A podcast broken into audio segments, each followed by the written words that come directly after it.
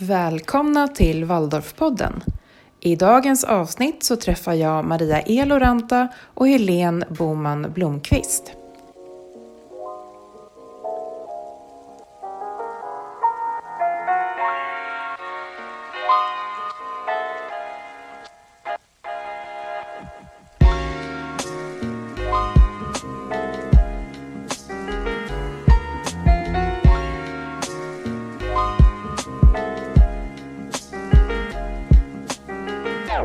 Jag har ju bjudit in er till dagens avsnitt därför att vi får väldigt mycket frågor till Waldorfskolefederationen men också till Waldorflärarhögskolan och ja, till Waldorfpodden nu när den har startat har det också kommit frågor om varför vi firar årstidsfester och månadsfester och, och ja, olika typer av högtider i Waldorfskolan. Och framförallt så är det ju när det kommer nya föräldrar till skolorna som, som många undrar vad, vad håller de på med? Vad är Mikaeli för någonting? Eller vad är Sankt Martin och sådär.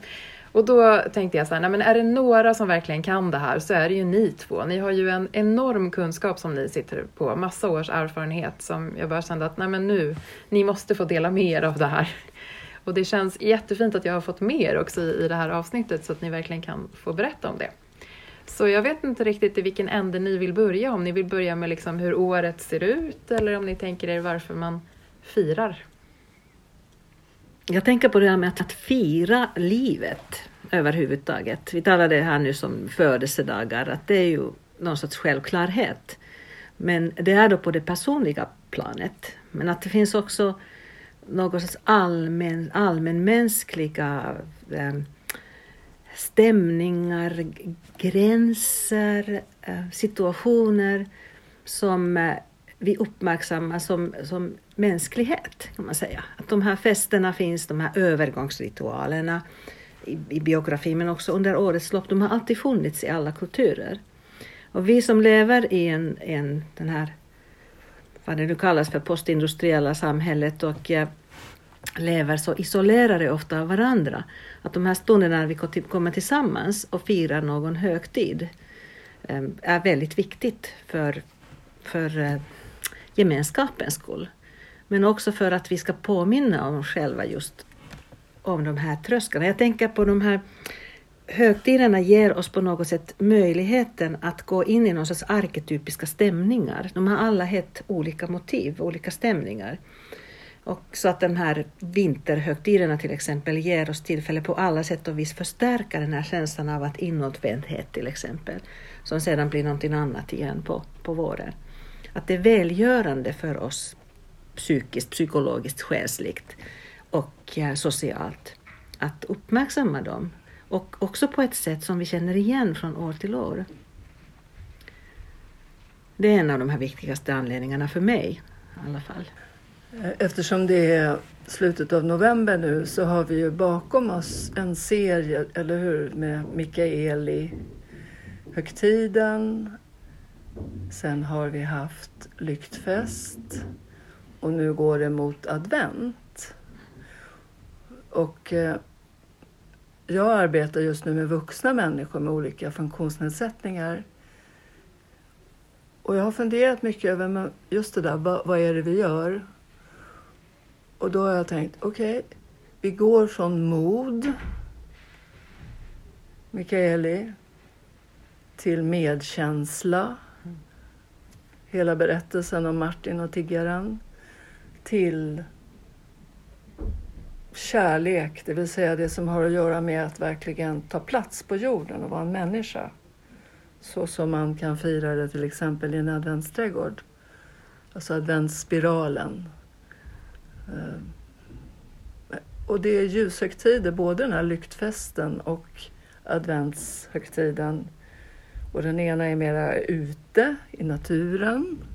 Allt som har att göra med att nu är det precis har det blivit lugnt i naturen. Nu går vi där och sjunger. Till att sen går man in och så har man det här med granris i en spiral lagt på golvet och äpplen där det är ljus i varje äpple som ju också är något från naturen.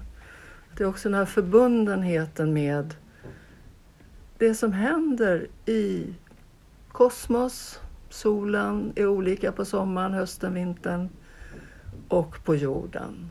Så att jag är i kontakt med det när jag firar de här högtiderna. Tillsammans med er andra. Mm. Om man kommer som ny till en Waldorfskola då, hur tycker ni att man ska liksom introducera i just det här? För det är ju fantastiskt det ni berättar nu. Och för mig som är insatt i Waldorfpedagogik så blir det ju väldigt lätt att förstå det ni säger. Men om jag kommer som helt ny utifrån, skulle man kunna berätta om det på något annat sätt? Just utifrån liksom, om det är någon som inte vet, varför ska mitt barn gå i en adventsspiral? Eller varför ska Mm. Varför ska man liksom hålla på med Sankt Göran och draken eller Sankt Mikael? Eller... Ett barn har ju, ett litet barn, ett förskolebarn, har ju någonstans ganska lätt tillgängligt till sig de här olika stämningarna i form av sagobilder eller eh, lekar eller mm, ramsor, sång. Någonting som vi kanske längtar tillbaka sedan när vi är vuxna. Och det är ju inte sagt att barnet kommer ihåg ens de här ritualerna särskilt mycket. Men de, det ger ändå någonting för dem. Och kanske man behöver bli lite grann som ett barn själv när man möter dem. Kanske få göra dem, vara med i de här högtiderna.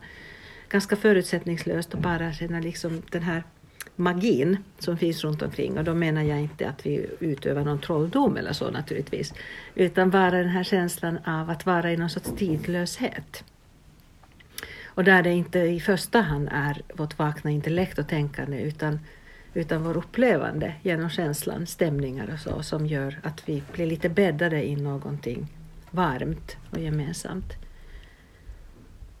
Det är en av de här sakerna. Och sen tycker jag att man kan tänka lite själv som vuxen att hur upplever jag året till exempel? Hur upplever jag mitt liv på sommaren, på våren? När finns de här vändpunkterna? När känner jag att det finns någon sorts gräns?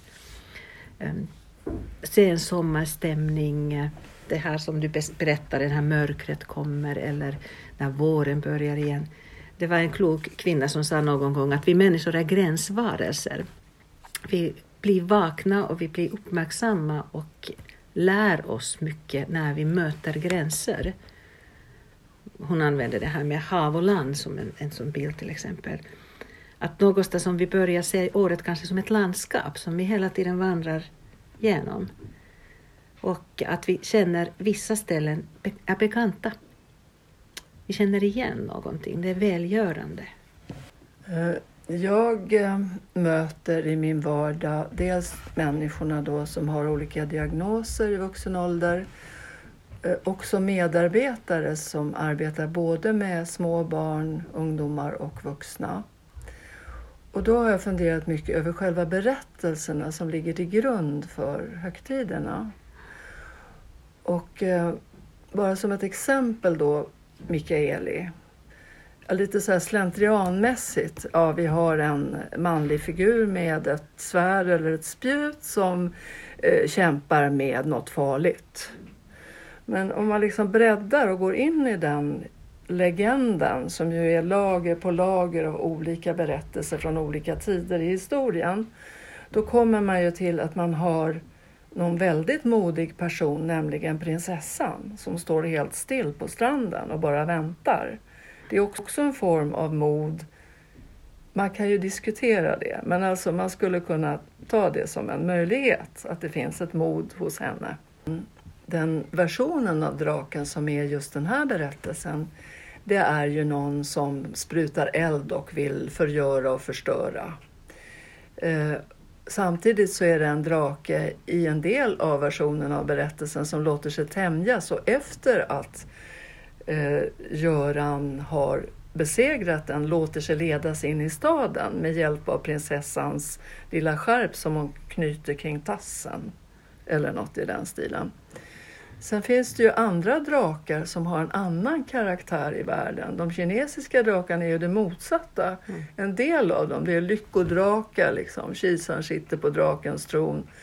Så att man får liksom hela tiden vidga de här schablonbilderna av ja, det där är, står för onda och det där står för det. Utan kanske också som förälder tillsammans vad vet jag, med läraren eller i andra sammanhang gå lite djupare in i de här berättelserna Och då kommer man hitta sådana här arketyper som finns överallt i myter runt om i världen genom historien.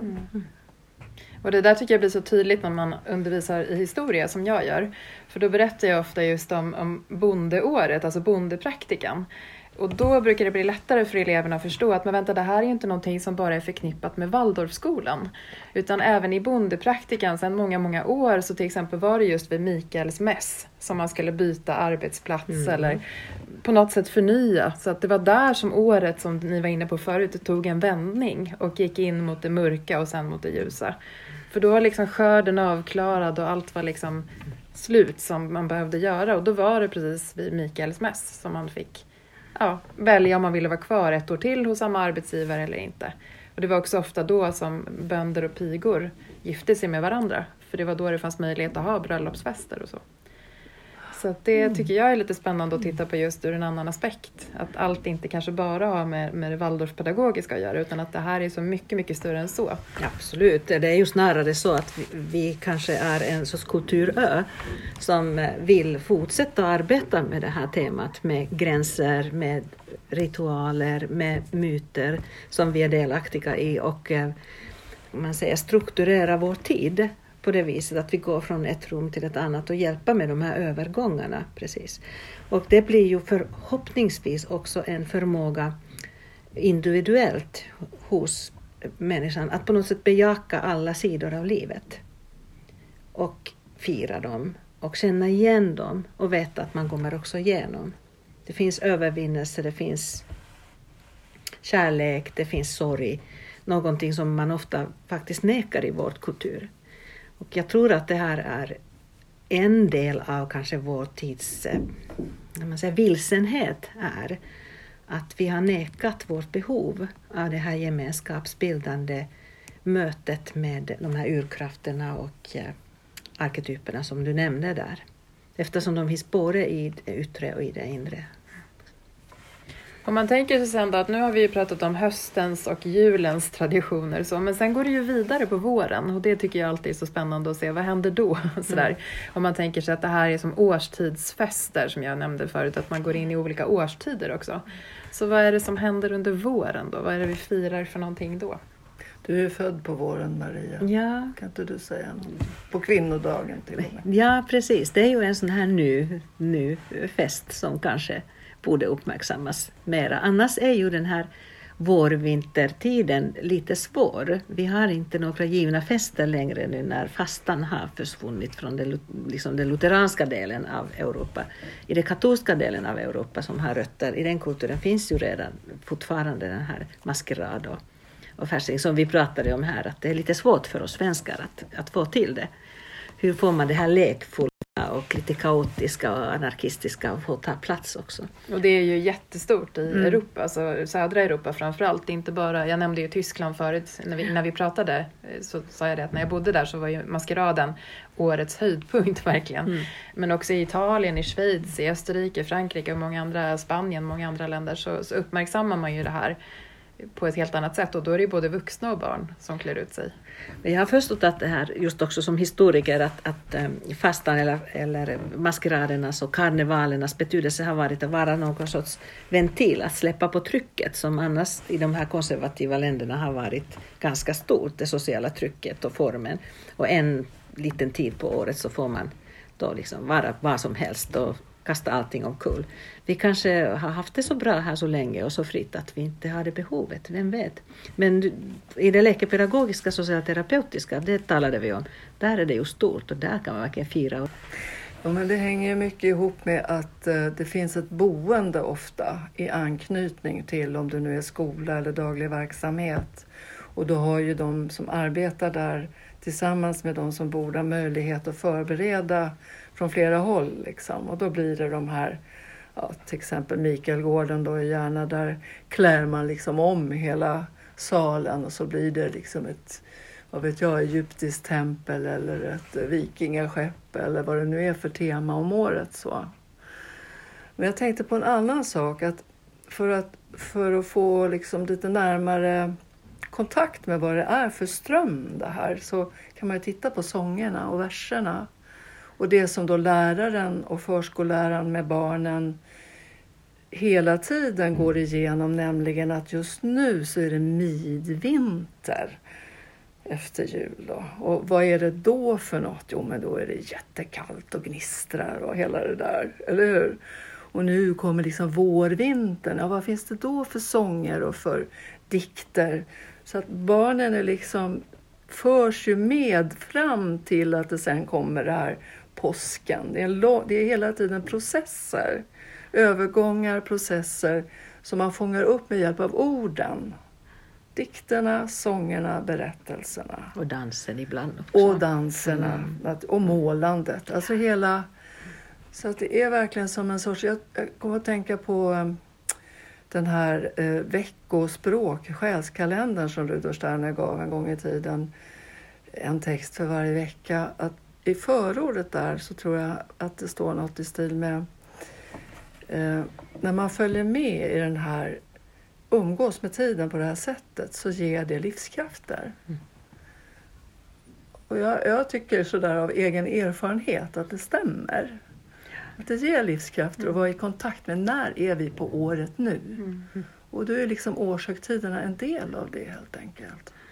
Och det där med att det ger livskrafter, det känner jag igen som, som arbetar i skolan och det gör ju ni också, eller läkepedagogisk verksamhet. Att, att om man tar bort någonting vi pratade om det förut, att barnet har ju en tradition, eller vi själva är ju också så att vi är rutinmänniskor gärna, att vi vill ha det likadant år efter år. Och jag vet att någon gång på några av skolorna där jag har arbetat så har vi sagt till niorna att nej men, nu får inte ni gå adventsspiralen för det kommer vi inte hinna med och det har blivit ramaskri. Mm. Nej men vi måste gå, det är sista året vi går i skolan, vi måste gå adventsspiralen. Och då är man så här, ja men det är från mindre barnen egentligen, ja fast vi måste. och så har man fått tänka att okej, okay, då är det inte bara för förskolan och klass 1 och 2 kanske, utan de äldre ser det där som en viktig del av sin uppväxt. Ja. Att de också måste få gå, ja, som de känner en sista gång. Mm. Att, att kanske, ta liksom mm. avsked mm. i det där på något vis. Kanske du kan berätta om adventsspiralen, för det, det är ändå någonting som många inte känner till. Nej, det är ju... Det är något helt, ja. inte sådär traditionellt svenskt. Nej. Jag tror att tanken bakom där är egentligen de här gamla labyrinterna som man har gjort i alla kulturer. När man har gått in långsamt, meditativt och ut igen och tänkt på varje steg. Så en sorts, en sorts eh, vandring in i sig själv och ut igen där man har mött någonting som ger kraft i mig själv eller om det nu är ett yttre ljus eller vad det är. Men till Waldorfpedagogiken så kommer det här ju redan från ganska tidigt början och har gjorts förskolor, läkepedagogiska eh, skolor, lågstadiet. Och bilden där är ju att man gör en väg in i rummet som du var där med vackra granris och kanske mossa. En enkel spiral som är inte särskilt lång men som känns väldigt lång när man går i den. Som för ner till en mitt där det finns då ett sorts berg med ett ljus, kanske blommor Och kristaller där var och en som går den här spiralen en gång, en, var och en för sig, får ta det här äpplet med ett ljus som man sedan bär in och tänder för det här stora ljuset och sedan ställer det någonstans på vägen tillbaka så att det till slut den här mörka vägen blir alldeles upplyst. Och det har ju gjort det här ganska mycket för vuxna. På vår skola brukar vi bara göra det upp till klass 3 eller så. Så att jag tycker det är underbart att höra att man kan göra det med tonåringar och att de tycker att det är viktigt. Men jag har gjort det ganska mycket i eh, olika vuxensammanhang när vi har haft kurser i antroposofi och waldorfpedagogik och så. Och gjort den själv många gånger. Och det är en enorm upplevelse som är svårt att förklara därför att man går ju bara i ett rum lite runt med ett ljus. Men, men den musiken, den koncentrationen som man har runt omkring, lite vackert eh, sång kanske i bakgrunden och att få vara ensam men tillsammans med de andra, det är en otrolig Så alla sitter i en ring runt, ja, omkring, runt omkring den här ja, spiralen? Precis. Och en del sjunger och kanske någon vacker strängmusik. Din fråga var ju där, hur kan föräldrar få tag i vad det här allt betyder? För var och en av oss kan säkerligen förstå det här med årstiderna, att det är viktigt. Så. Men hur... Eftersom barnen så att säga följer hela året i hela sin undervisning, Waldorfskolans undervisning är ju på många sätt upplagt på året så att vi till och med har vissa perioder, helst på, tidigt på hösten eller mitt på vintern eller slutet på året för att vi upplever att temat passar in där.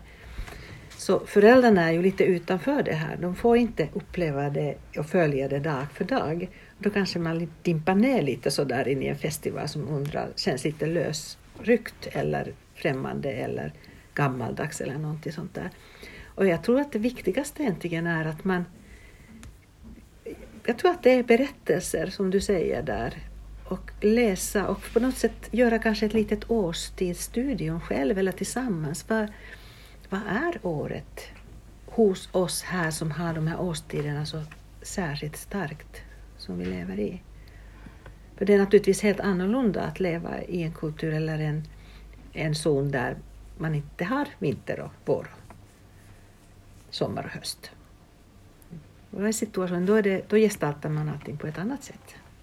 Tror ni att det här med att vi firar just så här årstidsfester och, och månadsfester och annat så i Waldorfskolan, tror ni att det hänger ihop med att, att Waldorfskolan ursprungligen startade i Tyskland då, till exempel i Stuttgart? Tror ni att det hänger ihop någonting med det eller tänker ni att nej, men alla har väl gjort sin egen prägel i, i sitt eget land sådär?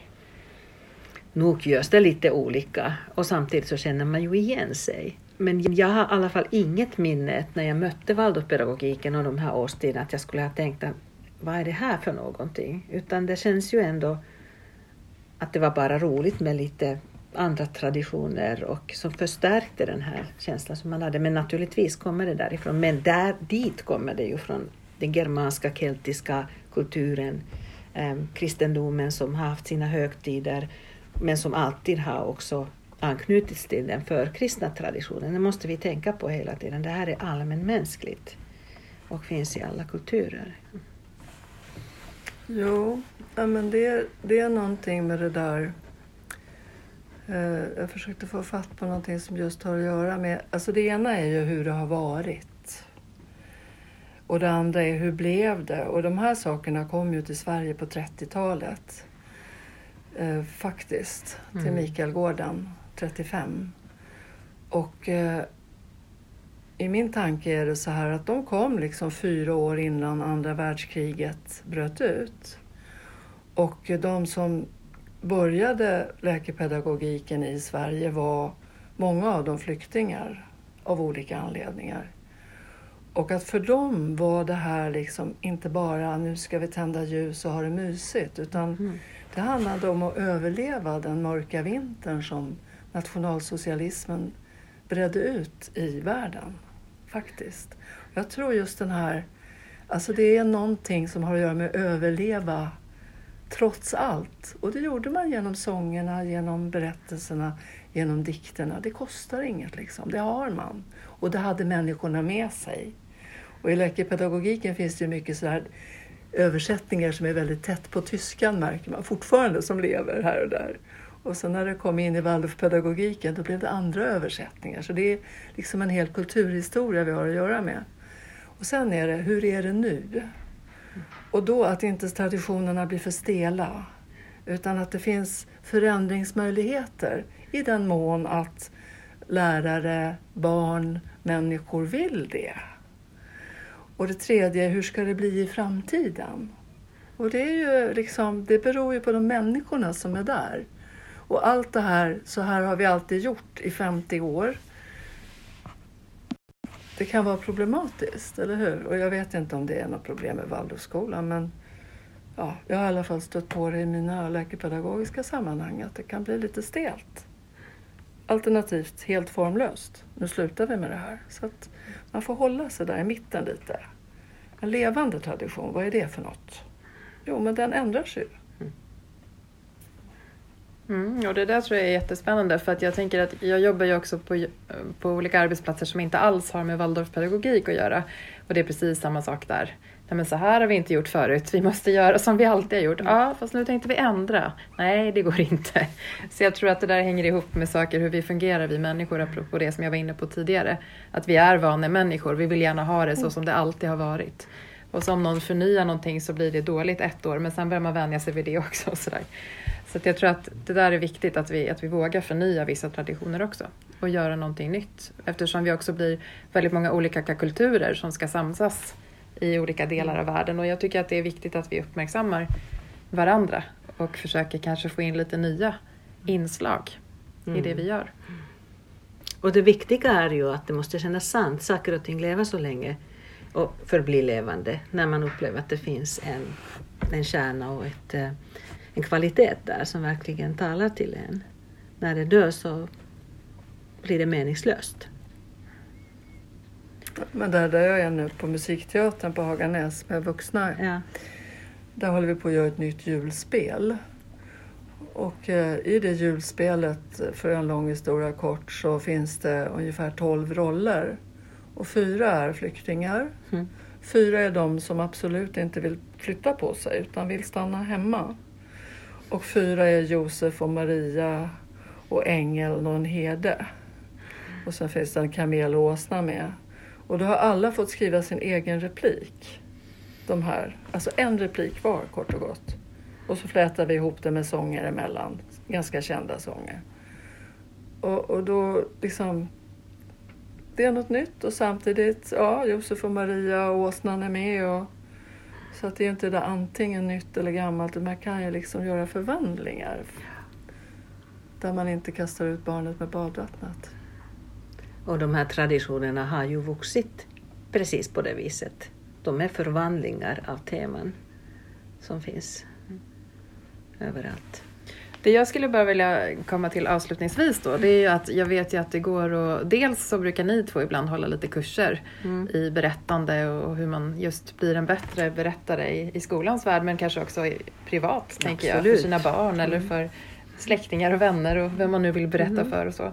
Men sen vet jag att du Helene, du brukar också ge ut lite av dina sånger. Om man liksom vill hitta lite mer om sådana saker, om just era kurser kanske, men också om, om dina sånger Helene. Finns det någonstans man bör gå in då eller kan man kontakta oss och så kan jag liksom förmedla Vi kan ju lägga upp en länk kanske vid podden. Men man går helt enkelt in på en sida som heter Soundcloud.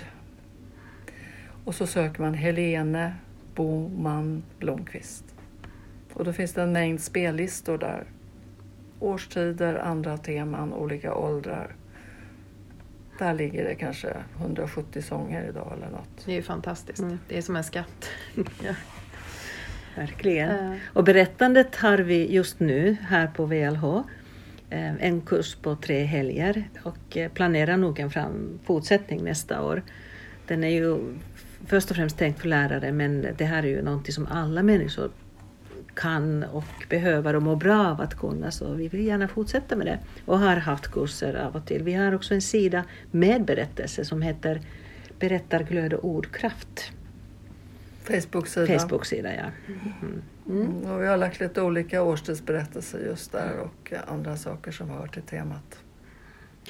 Stort tack för att ni var med i Waldorfpodden idag. Jag tror att vi kommer få anledning att återkomma till eh, de här årstidsfesterna och, och kanske också återuppta lite fler månadsfester igen. För att det kan i alla fall jag sakna från min egen uppväxt. Att då var det ju verkligen månadsfest varje månad. Mm. När jag gick på LNK-skolan hos Hans Möller en gång i tiden så var det viktigt för honom att det alltid var en, en fest varje månad. Där vi fick visa upp vad vi hade gjort i skolan de senaste fyra veckorna.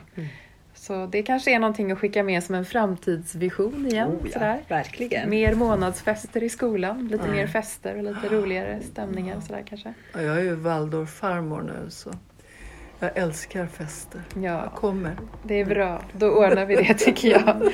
Tack så jättemycket. Tack själv. Tack.